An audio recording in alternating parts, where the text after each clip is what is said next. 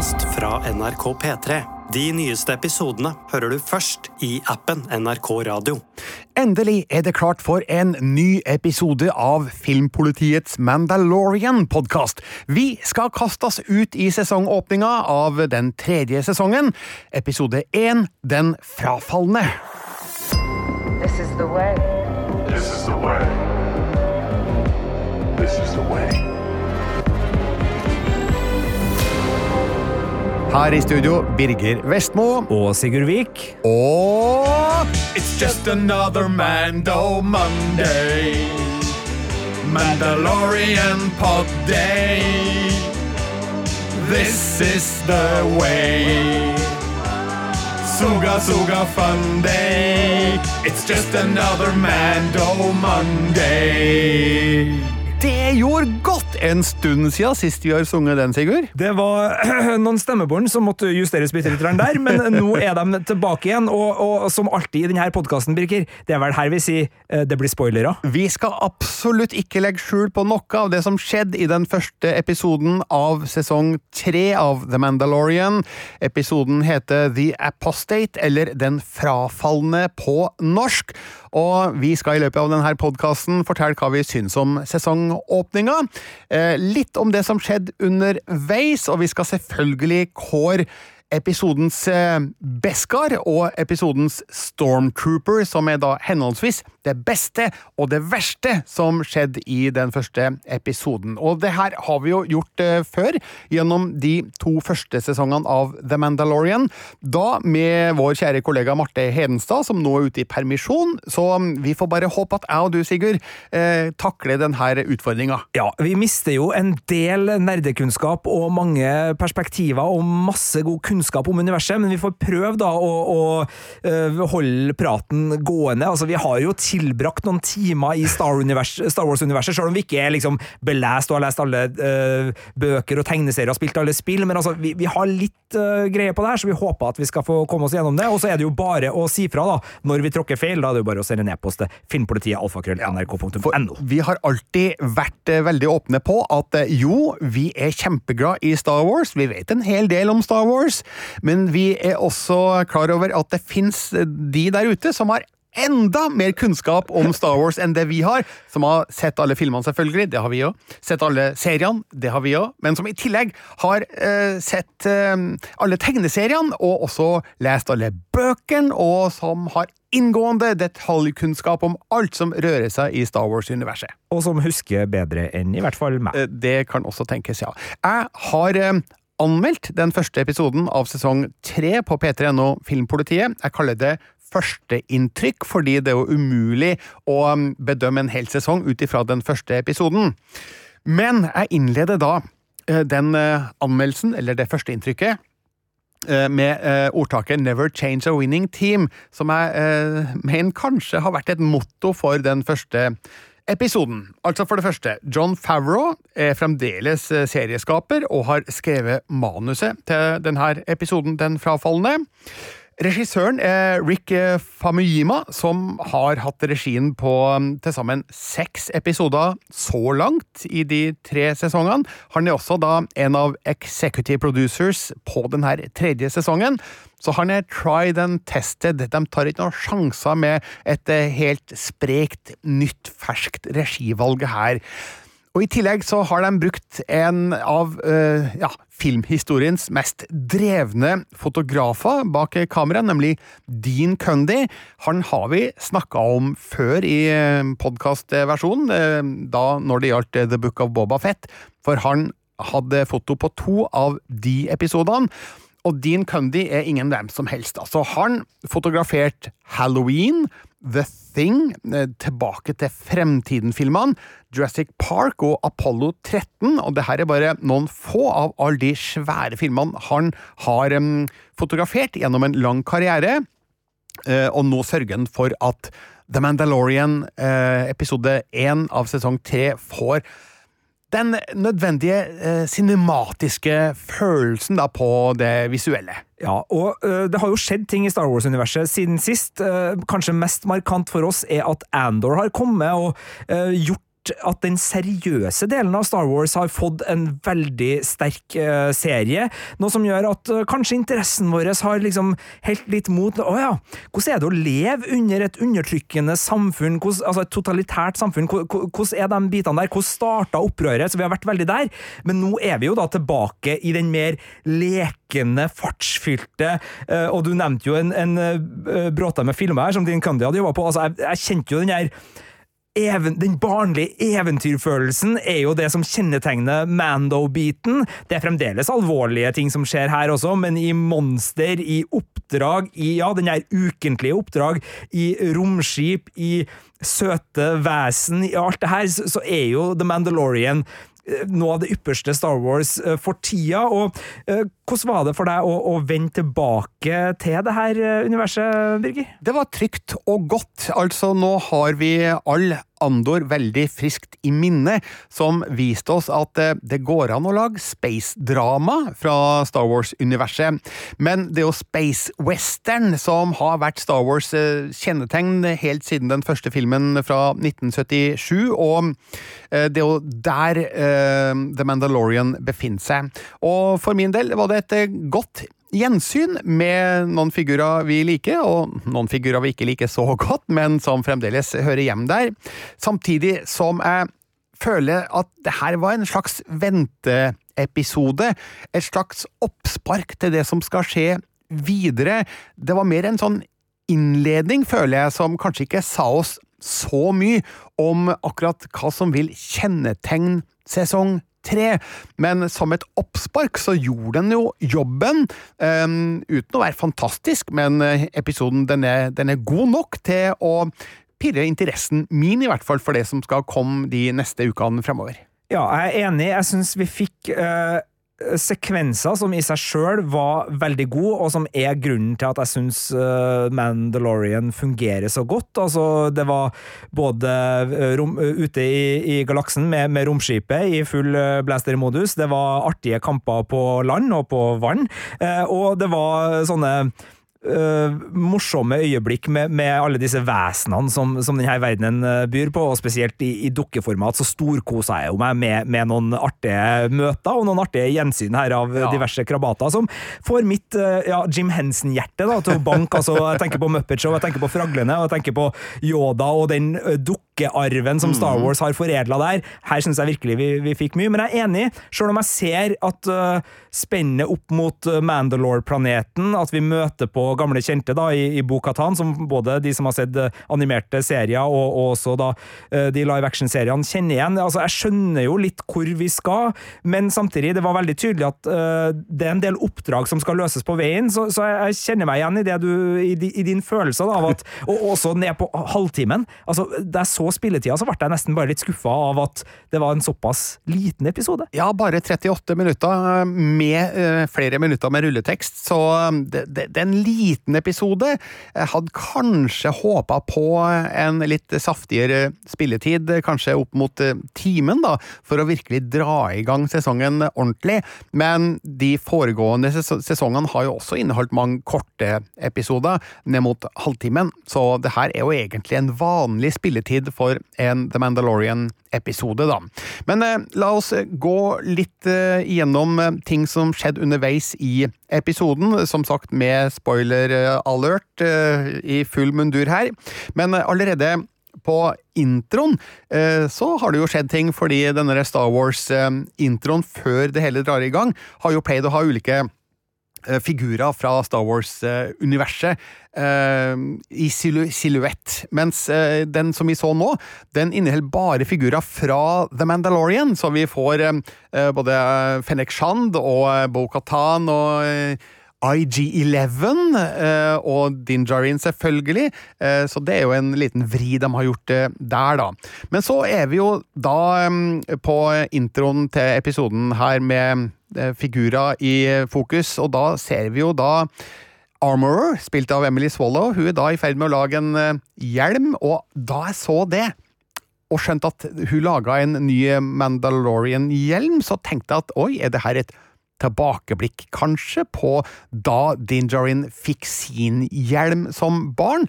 Så det er mulig jeg er dum, men jeg skjønte jo ikke før uh, Dingerin faktisk kom til stede i romskipet sitt, at uh, det ikke var et tilbakeblikk, men uh, present day da, i det, det her universet. Eh, Da er vi to, eh, og det er godt å, å høre. Så, så kan man jo liksom sånn Ja, ja, men eh, Mando har jo møtt The Armorer senere og, og sånne ting, men altså, det kunne jo være en annen Armorer, og, Ja, og så ja. får man jo noen navn slengt i. Altså, så, så jeg ser jo at jeg kanskje skulle ha gjennomskua det en del Ja, tidligere, men jeg var akkurat som deg. For det som skjer, er jo at denne hjelmen blir tatt ut på eh, bredden av en eh, innsjø, er det vel eh, kanskje, der en ung gutt står ute i vannet og skal nå få på seg sin eh, Mandalorian-hjelm. Um, og så sverger han da denne trosbekjennelsen, men han blir ikke helt ferdig før et stort monster kommer opp av vannet, og da tenkte jeg at oi, hvis det her er et tilbakeblikk, så har jo ikke Din Djarin eh, sverga trosbekjennelsen fullt ut, og dermed så har han kanskje ikke brutt eh, regelen når han tok av seg maska og viste ansiktet sitt for eh, Grogu, så han må ikke til Mandalore for å vaske seg i det levende vannet i eh, gruvene på Mandalore. Som, Under, under samfunnshuset på Ja, Ja. øh, det var øh, Jeg husker ikke hva den byen het. Det var øh, Sundari. Ja. samfunnshuset på Sundari. Så jeg, jeg godtar jeg, jeg godtar det denne historien er bygga på, men det er jo eh, veldig far out, da. At eh, for det første, hvorfor skal de ha en regel om å ikke vise ansiktet sitt for noen? Jeg er litt usikker på den, det finnes sikkert gode grunner til det. Eh, Men at de skal kun sone ved å bade i levende vann i ei gruve, eh, virker også for meg som litt sånn eh, ja, eh, overtroisk eh, tull, da. Ja, jeg syns jo det er fascinerende at serien putter den her litt sånn kultaktige, religiøse Mandalore-bevegelsen såpass i, i forgrunn, og øh, den, den holder jo på nyansene. altså Ofte så vil jo øh, folk som eh, skildres med, med sterke, litt sånn kultaktige øh, tro, blir bli, liksom sett altså bli, det, er ikke der liksom serien legger inn sitt utgangspunkt, da, men vårt utgangspunkt er jo Din Jarin her, og han tror jo, og han vil jo nå tilbake i den gode fold ved å bade i det her gruvevannet. Så, så jeg syns det er fascinerende at serien holder såpass på det og viser oss hvor sterk denne trua er, sjøl om det er andre rollefigurer i serien nå da med Bo-Katan blant annet her, som, som fnys av det, og som, som viser hvor på en måte altså det, det der er overtrue. Det, det er ikke noe som det, det er ikke noe ekte i det der.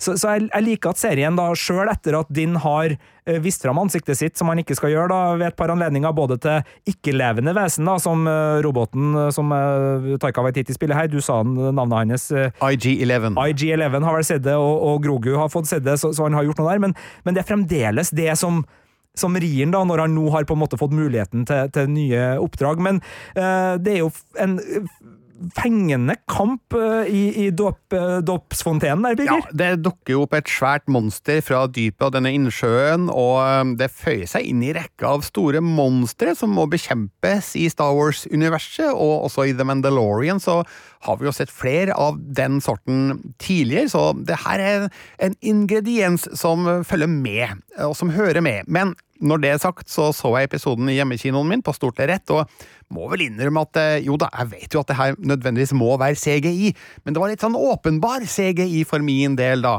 Føler jeg at dette monsteret det kunne kanskje ha blitt eh, gjort enda litt mer virkelighetstro, da. Så er det vel bare å innse at eh, de har kanskje begrensa med økonomiske muligheter til å gjøre det sånn som det kanskje ville ha blitt gjort på film, men det fungerte greit nok, da, i eh, ramma til The Mandalorian, gjorde du ikke det? Jo, og, det fungerte jo fordi det her var jo et eh, monster som, i motsetning til en del av de andre som vi har sett både i Mandalorian og, og Boba Fett, det skulle gjøres ganske kort prosess. Ja. Det var jo nesten et humoristisk poeng av introduksjonen til Mando og Grogu, at de bare kommer inn og fikser dagen med et eh, smell. Så, så eh, det var vel ikke det monsteret John Favreau og co. putta aller mest i, eh, fordi det skulle være en åpningssekvens som hadde mer en punchline enn frykt, da. Selv om det var den krokodillerulla fungerte jo veldig effektivt på de stakkars andre Mandaloriansa. Den gjorde det, så det var en kul sekvens, og den blir jo avslutta når Din Djarin eh, kommer dit i sin eh, N1 Starfighter-romskip, som vi jo kjenner godt igjen fra eh, episode 1, Den skjulte trussel, fra et eh, visst pod-race der, og også lyden av eh, dette romskipet, ja, det ga meg et eh, nostalgisk blaff fra den gang, så det var, det var en kul ankomstscene, da.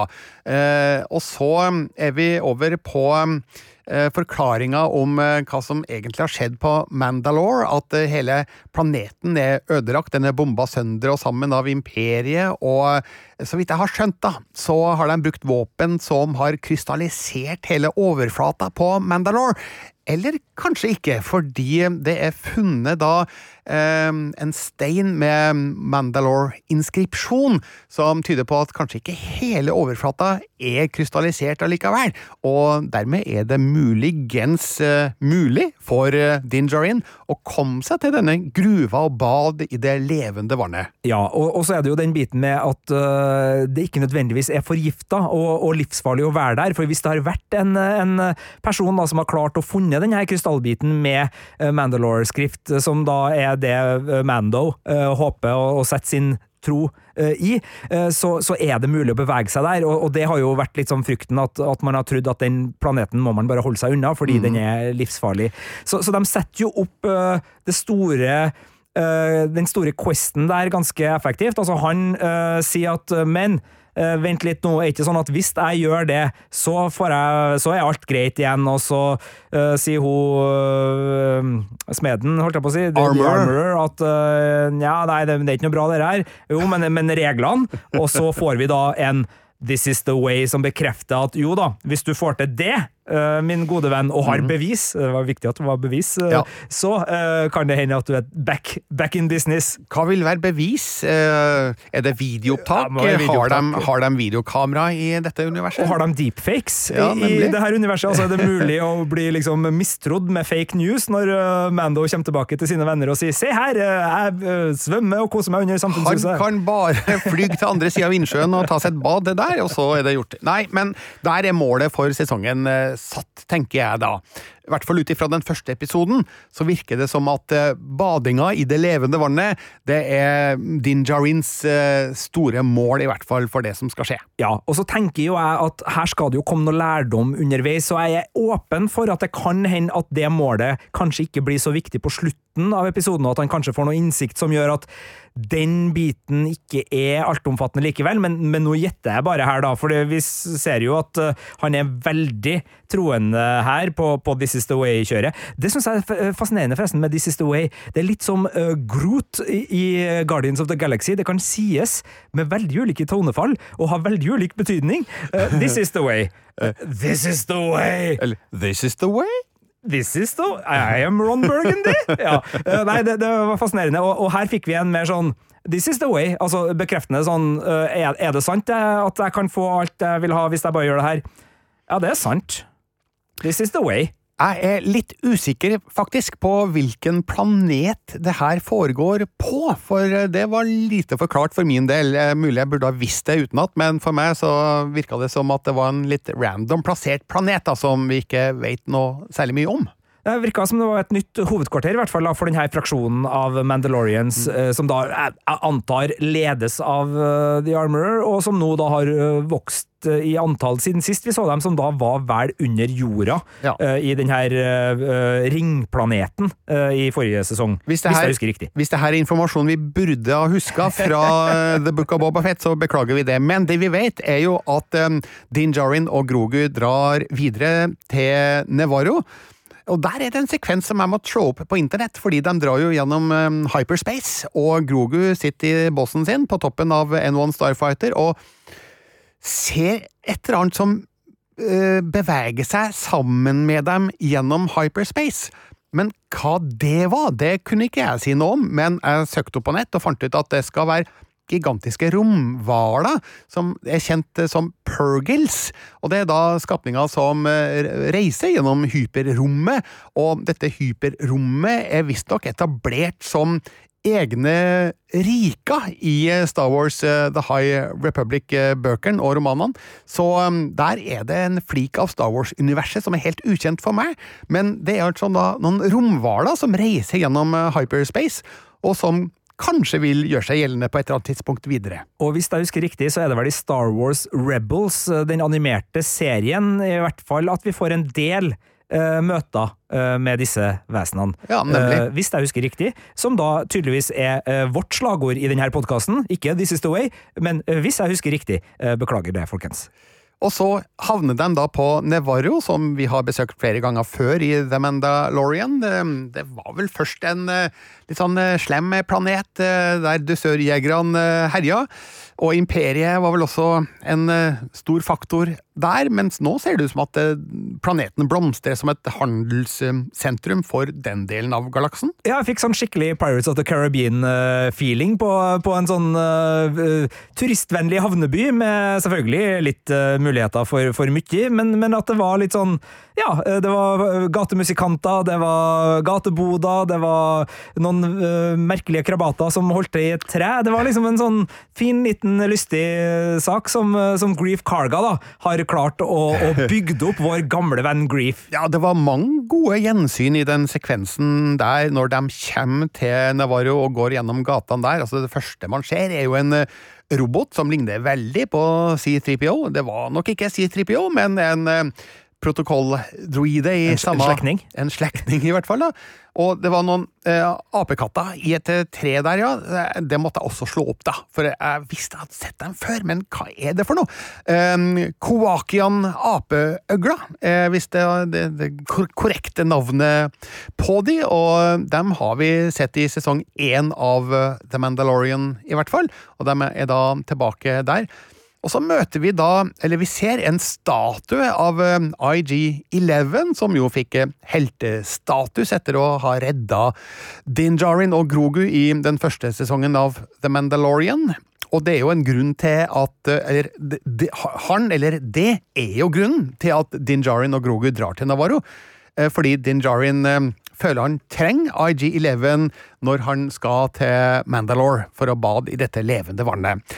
Og det er jo hyggelig, for så vidt eh, det, fordi eh, den Taika Waititi-stemmestyrte roboten var jo eh, en av de mest markante robotfigurene i sesong én, sjøl om jeg vet jo ikke helt om hvor sannsynlig er det at Din Jarwin må ha akkurat den roboten.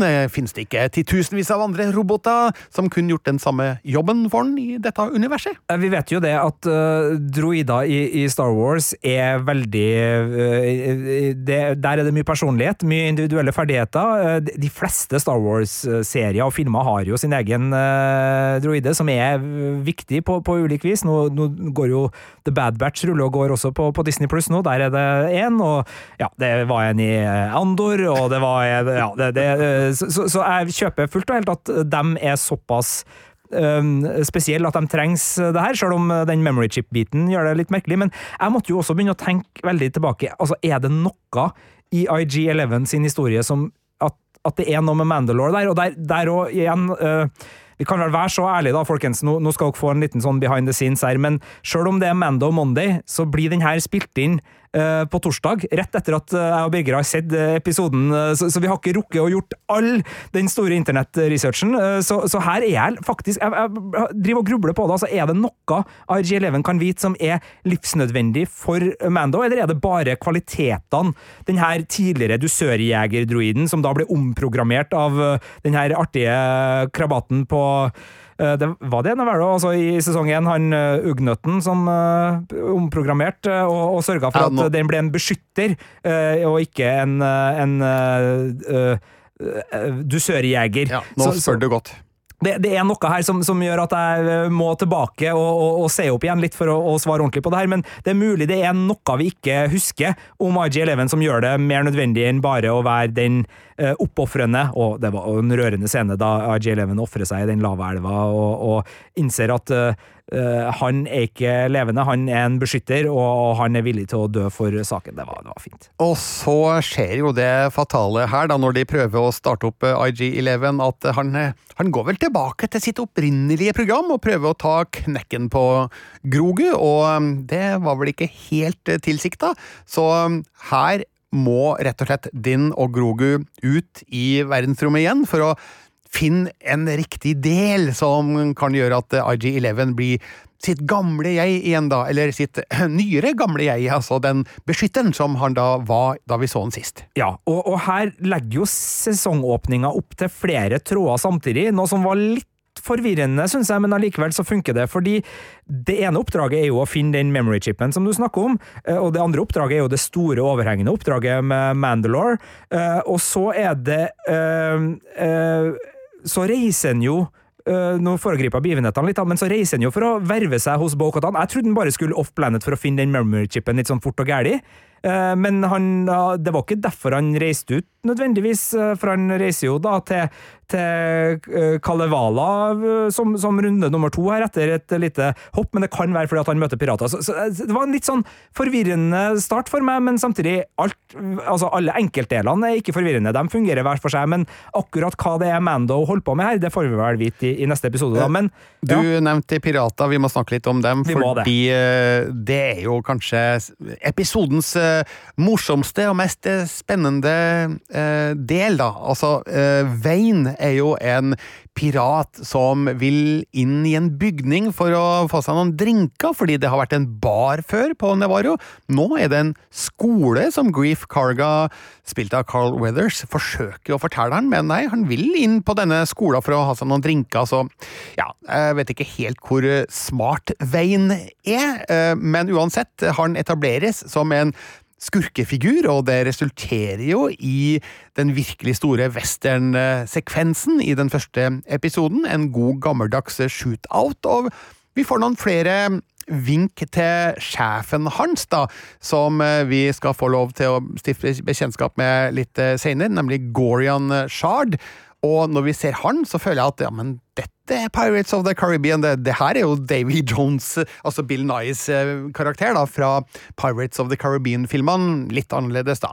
Men eh, han virker jo å være en eh, spennende piratfigur som jeg tenker vi må få stifta nærmere bekjentskap med i løpet av sesongen. Det tror jeg vi skal, og, og måten Mando unnslipper den på er jo en, en god cliffhanger for, for neste møte. Men, men, det er artig med, med hvordan liksom Navarro settes opp, og jeg tenker jo at disse piratene kommer jo dit for å teste Grief. Altså, de, de vil se ok, hvor, hvor sterk er, er, Grief Cargas kontroll. Vi får høre at Cara Dune har blitt forfremma og, og reist bort fra planeten. Han vil gjerne at Mando skal bli Marshal, og så vil han holde seg uavhengig. for sjøl om det her er ei tid hvor uh, imperiets uh, verste hånd er, borte, så, så, er skepsisen til Grief Carga med å liksom slutte seg til et litt sånn fraværende stort konglomerat av uh, byråkrati og beslutningstakere. Det er ikke for han, så han vil holde Navarro uavhengig, og da er jo disse truslene fra gamle piratkjenninger selvfølgelig en, en del av det. Og,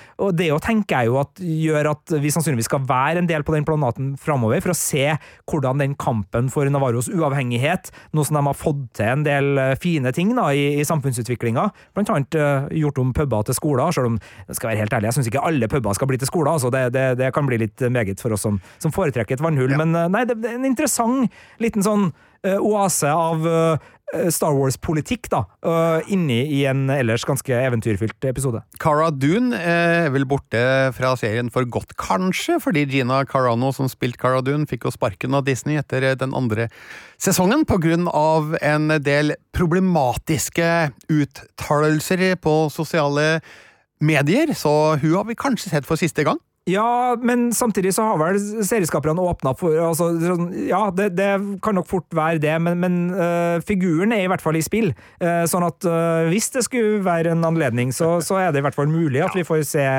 Cara Dune igjen. Og vi men, vet at tida ja. leger jo slike sår også, mens det er jo bekrefta at Giancarlo Esposito skal være med i den tredje sesongen som Moff Gideon, som vi da får høre står tiltalt overfor en ny eh, krigsdomstol. Så hans rolle i sesong tre er vi usikre på, men det blir spennende å se. Esposito er jo en strålende skuespiller og en sterk tilstedeværelse i enhver serie, så kanskje er Moff Gideon kanskje um, den store eh, eh, motstanderen da for eh, Din Jarin og Grogu også nå? Ja, for det vi ikke har snakka om, eh, men som eh, vi kommer til, er jo at eh, det er jo en Dark Saber her som Moff Gideon har hatt, som nå Mando har, og som Bo-Katan hadde veldig lyst på, som handler om herredømme over Mandalore, og ikke minst da som sørger for at man får folk knytta til seg. Så, så hvis Dark Saberen er i spill, så tenker jeg at Moff Gideon er naturlig i, i den delen av konfliktløsninga, ja, eller mm.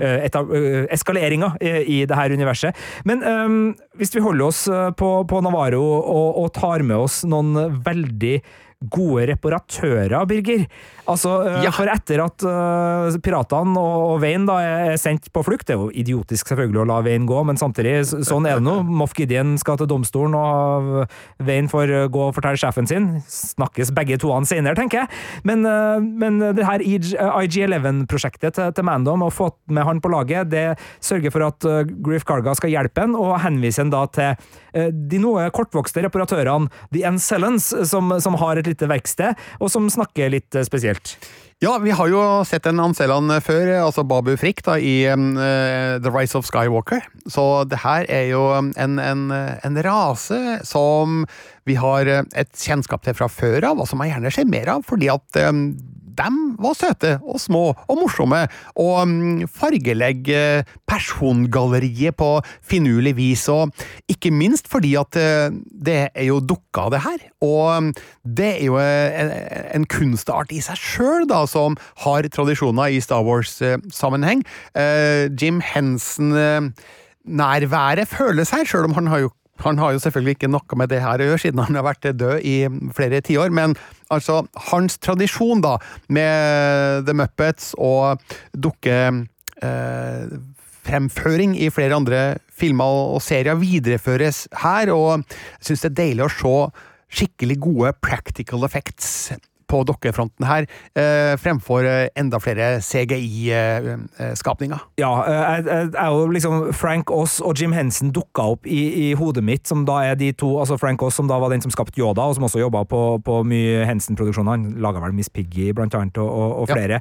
Eh, det det å, å ha den arven så lett eh, synlig i flere, altså både disse du snakka om, disse som bodde i trærne, Dian Cellas, jeg vil jo trekke fram også Pirate King Gordian Shard, uh, selv om jeg vet ikke hva som er digitalt og ikke der, men jeg fikk også en sånn, husker du Skraphaugen i Fraglene? Ja, ja. Jeg fikk den vibben av det her voldsomme Ja, jeg vet ikke hva det var, alge, algeskjegget eh, til, til Piratkongen. Så, så, så der syns jeg episoden var veldig god i å liksom minne oss på altså alt fra The Cantina og, og musikken som spilles der. Altså Det er så mye artige dukker, og ikke minst da Grogu, selvfølgelig, som også er hovedperson her, sammen med Mando.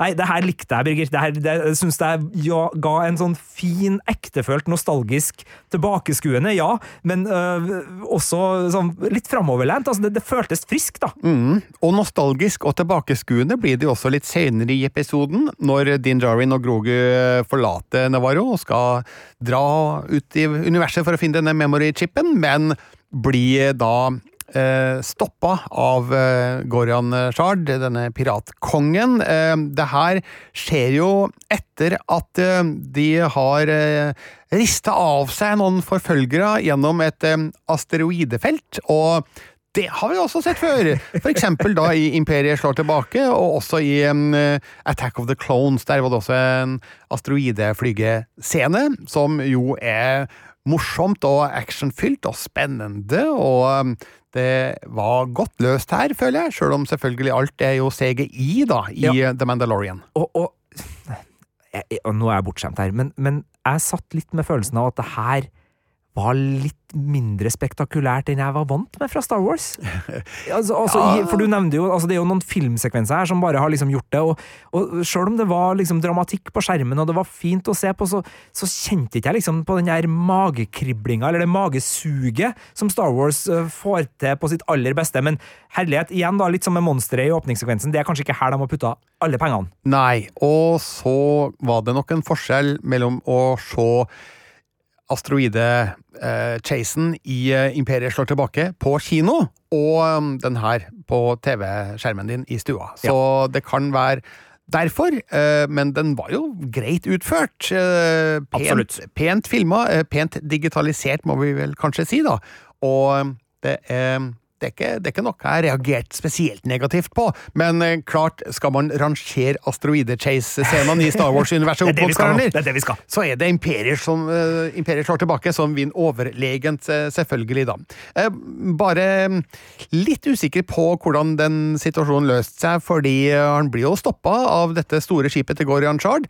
Eh, han er, altså Din Djarin og Grogu og deres skip er bare en hårsbredd fra å bli tilintetgjort. eh, men Eller fanga, i hvert fall. Da. Ja, Ja. eller fanga. Men så er det bare å trykke på en knapp og gå i hyperspace, og så er de borte. Ja. Eh, god Millennium Falcon-overraskelsesmanøver. Eh, ikke at akkurat det her har skjedd før, men, men, men det viser jo bare at eh, det her er nok en driftig helt som har triks oppi ermet. En slags Reodor Felgen for uh, galaksen. Jeg liker det, og jeg syns det var artig, men det jeg lurer på her, Birger, og der kan kanskje du hjelpe meg, og, og bare for å si det sånn, jeg var ikke negativ til den jakten. Det var en god etablering av det fiendskapet mellom piratene og, og Mando, som har mye humør i seg. Men eh, du sa det, han for ut for å hente den chipen, og det var her jeg, jeg snakka om litt tidligere. Det er det inntrykket jeg har. Altså, han skal på en quick stop for å hente den chipen, men når han flykter fra piratene, drar han da rett til Calavela for å joine Bo-Katan? Det Det, er jo ikke å hente en chip. ok, eh, det jeg husker fra den scenen, det var at han forsøkte å, å verve Bo-Katan til å bli med på Questen, kanskje? Jo, men han sier 'I will join, I want to join you', sier han. Men jeg er enig, det, det er semantikk, så, så ja, han er der for å rekruttere, da, muligens Bo-Katan, men, men det er jo heller ikke det å hente en chip. Nei, det er riktig, men jeg, kanskje føler han at han trenger litt støtte da, i eh, denne jakten på denne chipen og alt det andre som han skal gjennom i løpet av sesongen. For uh, Din Djarin vet sikkert også at uh, han må sikkert løse en seks, sju, åtte, ni, ti forskjellige problemer før han kan komme seg til Mandalore i det hele tatt. Så det var det jeg tenkte var motivet for å dra dit, da. Men eh, det var jo en litt sånn downer-avslutning på hele episoden, for uh, Bo-Katan, spilt av Katie Sackhoff, hun sitter jo bare henslengt eh, på tronen sin og kjeder ræva av seg, og har liksom ingenting å by på. Hun har jo da mista eh, makta si, egentlig, da, siden eh, Din Djarin har tatt over Darksaber. Eh, har ikke kommandoen over eh, sine fans lenger, sine tilhengere, så det virker som at eh, Bo-Katan er in a dark place når vi ser henne i denne episoden. Ja, og det er jo eh, fascinerende, syns jeg, med, med disse elementene av eh, o- overnaturlige og overtro-biter i, i Star Wars, for her kommer tre av dem litt sånn krasjende. Altså, Grunnen til at hun er der, hun er, er fordi at hun tror på makta uh, i Darksaberen, og at den må overføres med at den må vinnes, sånn at den vil ikke funke for deg hvis du ikke har vunnet den på rett måte. Noen vil kanskje si at det er noe overtro inn i bildet der, men, men så, sånn er nå i hvert fall reglene her. Uh, Så er det snakk om en forbannelse. Den tror jeg på, men kultlivet til Mando, det tror jeg ikke på. Så, så, og, og det her blir jeg jo calla ut på av uh, Mando også, så, så jeg syns det er sånn fascinerende at Star Wars lar de ulike eh, hva kan man si, mytologiene innad i universet få bryna seg litt på hverandre. da, i det at rollefigurer som eh, i, i perioder enten har veldig sterk tro eller har hatt veldig sterk tro, er nødt til å, å ha noen samtaler som, som løfter fram den her, eh, det her tankegodset og, og kalle det filosofien innad i, Star Wars eh, på områder som vi kanskje ikke har dykka ned i tidligere, selv om vi selvfølgelig har vært mye inni det. Eh, så så det, jeg likte det, og så likte jeg også eh, Kalevala som planet. Jeg tenkte litt sånn Vestland-Vestland. altså Det så veldig norskt og fint ut. og så fikk jeg jo en sånn, Det er jo en sånn finsk klang over uh, uttalen på planetnavnet, så, så det her føltes nesten litt nordisk. Ja, Kalevala er vel det finske nasjonaleposet, så um, det er mulig de har henta inspirasjon derfra, da. Og um, jeg vet ikke hvor eh, den scenen er filma, det er sikkert eh, Irland eller Skottland eller noe sånt, men det, det så litt vestlandsk ut, det, det er helt eh, riktig, det. Så også litt Si sånn to trøndere som eh, ikke ja, nemlig. Ja. ja. Det så også litt sånn kaldt og goldt ut der, og kanskje ikke så veldig hjemmekoselig, men eh, kanskje Bo-Katan liker å ha det litt enkelt, da. Litt eh, feng shui. Ja. så eh, i hvert fall eh, en, en planet som vi har eh, Eller nå sier jeg vi, da, jeg har aldri hørt om Kalevala før, men jeg har skjønt at eh, i hvert fall planeten blir nevnt da i Star Wars, eh, The Clone Wars som jeg dessverre ikke har sett ferdig. Så um, det er et eh, kjent sted, men kanskje det er første gang vi faktisk ser det da i en Star Wars-serie. Ja, og, og The Clone Wars er jo viktig her, fordi veldig mye av det som skjer uh, med Mandalore får man jo uh, informasjon om i The Clone Wars-serien, så, så dere som har sett den, og som kan den godt, og dere øh, kan det her eh, bedre enn meg, for jeg husker jo ikke alt. Men, men det er i hvert fall et tips, da, hvis du tenker at ok, jeg vil vite mer, og, og Darksaberen dukker også opp i, i Rebels. Uh, så, så, hvis du vil vite mer om The Darksaber-mytologien og hva som har skjedd på Mandalore, hvordan det var på Mandalore før, uh, før det her angrepet som har gjort det ubeboelig, så, så, er The Clone Wars plassen å gå, og også Rebels. Og her har jo internett mange gode guider for hvilke episoder som er sentrale, hvis man har litt dårlig tid og ikke har tida til å pløye gjennom sju sesonger sånn på, på foten. Eh, jeg har altså anmeldt eh, episode én av sesong eh, tre på P3NO Filmpolitiet. Jeg ga terningkast fire, og jeg kan bare sitere meg sjøl, de tre siste setningene i den anmeldelsen. Det skuffer litt at episoden nøyer seg med å tråkke i velkjente spor, og at den ikke tar et sjumilssteg videre. Med sine 38 minutter så virker det nå litt i korteste laget til å virkelig sette et klart og markant mål for den tredje sesongen. Den introduserer oss imidlertid for et par nye interessante figurer, som kanskje vil spille større roller etter hvert, samtidig som vi vet at noen andre gamle kjenninger er bekrefta for senere episoder. Jeg tok feil, det er fire setninger, faktisk. Derfor er det all grunn til å tro at The Mandalorian blir verdt å følge med på utover våren, sjøl om starten er i hermetegn bare god, ikke fantastisk. Så det var min dom over den. Stiller du deg bak den, Sigurd? Jeg gjør det. Eh, altså, det er litt sånn terningen eh, må selvfølgelig gis i en anmeldelse, men, men samtidig uh, så er det jo det der med at når man er såpass investert i en serie, og, og, man er i sesong tre, så, så, så, så, går det jo Det, det, det er lett å, å, tilgi mye av det her, for at man blir engasjert, man blir gira. Men jeg, men jeg støtter alle dine setninger, de, de, fire der. Og samtidig som jeg selvfølgelig, i likhet med deg, gleder meg veldig til fortsettelsen. Det er vel åtte episoder vi får, hvis man skal skue inn i, i kula her, og jeg gleder meg til samtlige. I have spoken. Da har tida kommet til å kåre episodens Beskar og Stormtrooper, og for de som har glemt hva det her er, kan du gi en liten recap, Sigurd? Altså, Beskar er jo så edelt at det, altså materialet som eh, blant annet uniformen eh, og hjelmen og spydet til Mando er laga av, veldig, veldig edelt, og det betyr det beste med episoden. Eh, Stormtroopere, dessverre kjent for å bomme en del, så ikke nødvendigvis det aller verste med episoden, men der det bommes fra Farrow og co. i denne episoden. Nemlig. Skal jeg få æren av å kåre episodens eh, Beskar først, eller kommer mitt forslag da til ukas Beskar? Det skal du. Greit. Det er scenen der Grogu er i båsen sin i Starfighteren og skuer ut på hyperspace og ser de her gigantiske hvalene som tydeligvis er med på ferden. Han eh, ser med vidåpne øyne på de, de utrolige skapningene, og så går han ned og kryper fram til cockpiten og inn i armkroken til Din Jarin. Det var et vakkert øyeblikk. Det var ukas Beskar for meg. Og, og, det minner meg på, vi har jo en podkast ute i Filmpolitiets vanlige strøm, hvis vi kan kalle det som bare går i appen NRK Radio hvis du ikke er allerede, da. Og sjekk ut hvor vi snakker om Pedro Pascal som farsfigur. Og, og det du sier der, det, det, minner jo på det, fordi han er jo nå aktuell både i The Mandalorian sesong tre, men også i The Last of Us, og han spiller jo en litt sånn, kanskje ufrivillig, men likevel veldig god farsfigur i begge to, og, og, det er noe der du sier noe som går til kjernen på det, altså den relasjonen mellom uh, Mando da, og Grogu, fytti rakkeren, og måten han også uh, retter Grief Carga, eller ikke retter, men, men uh, påpeker at han heter Grogu. Eller den heter Grogu. Ja, den heter Grogu. Ja.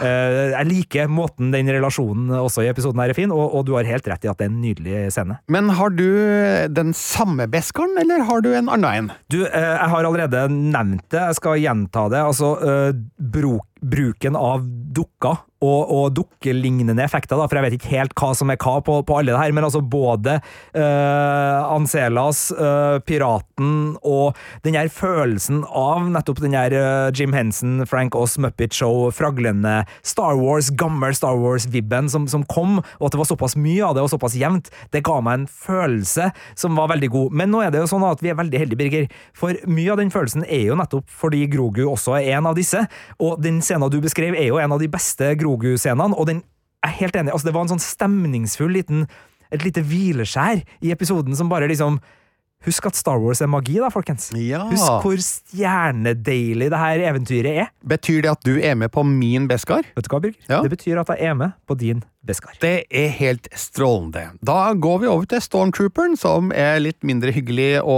sette fingeren på. Jeg har en klar eh, Stormtrooper, og det er åpningsscena, kampen mot det store monsteret som kommer opp fra dypet, der eh, alle Mandalorian-krigerne eh, fighter hardt og intenst. Mange av dem dør, og først flere minutter ute i fighten så er det en av dem som kommer på at oi, ja, men vi har da raketter på ryggen, vi kan jo bare flyge opp i været og fortsette fighten derifra. Kunne de ikke har gjort det med en gang, og kanskje forhindra at eh, så mange døde? Ja, jeg syns også uh, det der uh, taubiten uh, var optimistisk, i hvert fall for et rullende monster som det her krokodilleskapningen er. Altså, kan de ingenting om forholdene på sin nye, sitt nye hjemsted? Altså, Eh, De, de virker å være veldig dårlige soldater, i hvert fall sånn strategi. Komme seg opp i høyden, ha overblikket og dominere ovenfra. Det har de ikke skjønt, tydeligvis. Eller de skjønte det ikke før det hadde gått flere minutter, og eh, mange av dem allerede hadde bøta med livet. ja, spesielt i en film- slash øh, TV-serieunivers øh, som har slått ettertrykkelig fast at The High Ground har noe for seg. Eh, ikke sant, Anakin? Ja, ikke Eh, sant. ja, ikke sant. Eh, ja. Eh, det var min Stormtrooper. Uh, hva var din? At sesongåpninga var gjemt bort i The Book of Bobafett uh, i stedet for eh, å være der. Nei da, det, men det tok eh, det- er litt sånn eh, useriøst å, å ikke velge noe fra episoden, men det jeg merka, var at vi hadde liksom det, det var noe med at mye av det emosjonelle med gjensynet med The Mandalorian hadde foregått i en annen serie som tok litt gjensynsgleden Nei, jeg skal ikke si gjensynsgleden bort, for det var stor gjensynsglede, men det, det tok litt lufta ut av ballongen. Det, det fikk ikke den der store sesongåpninga. Litt fordi at den var allerede liksom backdoor-pilota inn i naboserien, som selvfølgelig måtte gjøres fordi Mando skulle jo være med i The Book of Bobafett, og, og hva som er egne serier og sånn, det kan man jo alltid diskutere, det er jo et stort sammenhengende univers her, men, men jeg kjente at det var en, en sesongåpner som føltes litt flat, fordi at mye av det, det store var allerede gjort, så, så den ble litt tam, og, og det går vel inn på det du sier med at det ble mye sånn tråkking i gamle spor og, og oppsett uten den den virkelig liksom sånn der Åh, nå er det tilbake! Den fikk jeg jo i, i Book of Bobafett, eh, som da øh, hadde Mando-episodene som de aller beste episodene i den serien, men, men det var noe der som, som skuffa meg litt. Men jeg innser jo nå at det å, å kritisere at øh, en annen serie har hatt episoder, er en dårlig Stormtrooper for denne episoden, så det spørs om du er nødt til å få bestemme Stormtrooperen også på, på denne, altså. Nemlig. Eh, Jeg sier takk for det, og da føler jeg meg godt og vel eh, fornøyd med at jeg har kåra både ukas Beskar og Stormtrooper for episode én av eh, The Mandalorian sesong tre. I have spoken. Med det er vi ferdig med denne podkastepisoden, men vi skal snakke mer om The Mandalorian sesong tre. Eh, Kanskje ikke hver uke, men vi skal komme tilbake underveis. Ja, det er litt uh, travle tider på Filmpolitikontoret. Det, det er en, litt sånn Ja, det, det kommer noe påske, og det, det er litt forskjellig her. som- Oscar og- Ja, det er noe Oscar og noe greier. Så, så vi bare beklager at vi ikke kommer til å være helt ukentlig på Mando Mondays, men som du sier, Birger, vi skal prøve å få det til, og i hvert fall én uh, til uh, blir det. Og så får vi se da uh, hvor ja. mye det, det blir. Det, Kanskje får vi til en midtveis i sesongen, men vi skal i hvert fall lage en podkast når eh, alt er ferdig, og vi kan oppsummere hvordan eh, den tredje sesongen av The Mandalorian egentlig var. That is the way. That is the way. Birger Vestmo heter jeg, Sigurd Vik heter jeg. Og It's just another Mando Monday. Mandalorian pod day. This is the way. Suga Suga fun day. It's just another Mando Monday. Du har hørt en podkast fra NRK P3. Hør alle episodene i appen NRK Radio.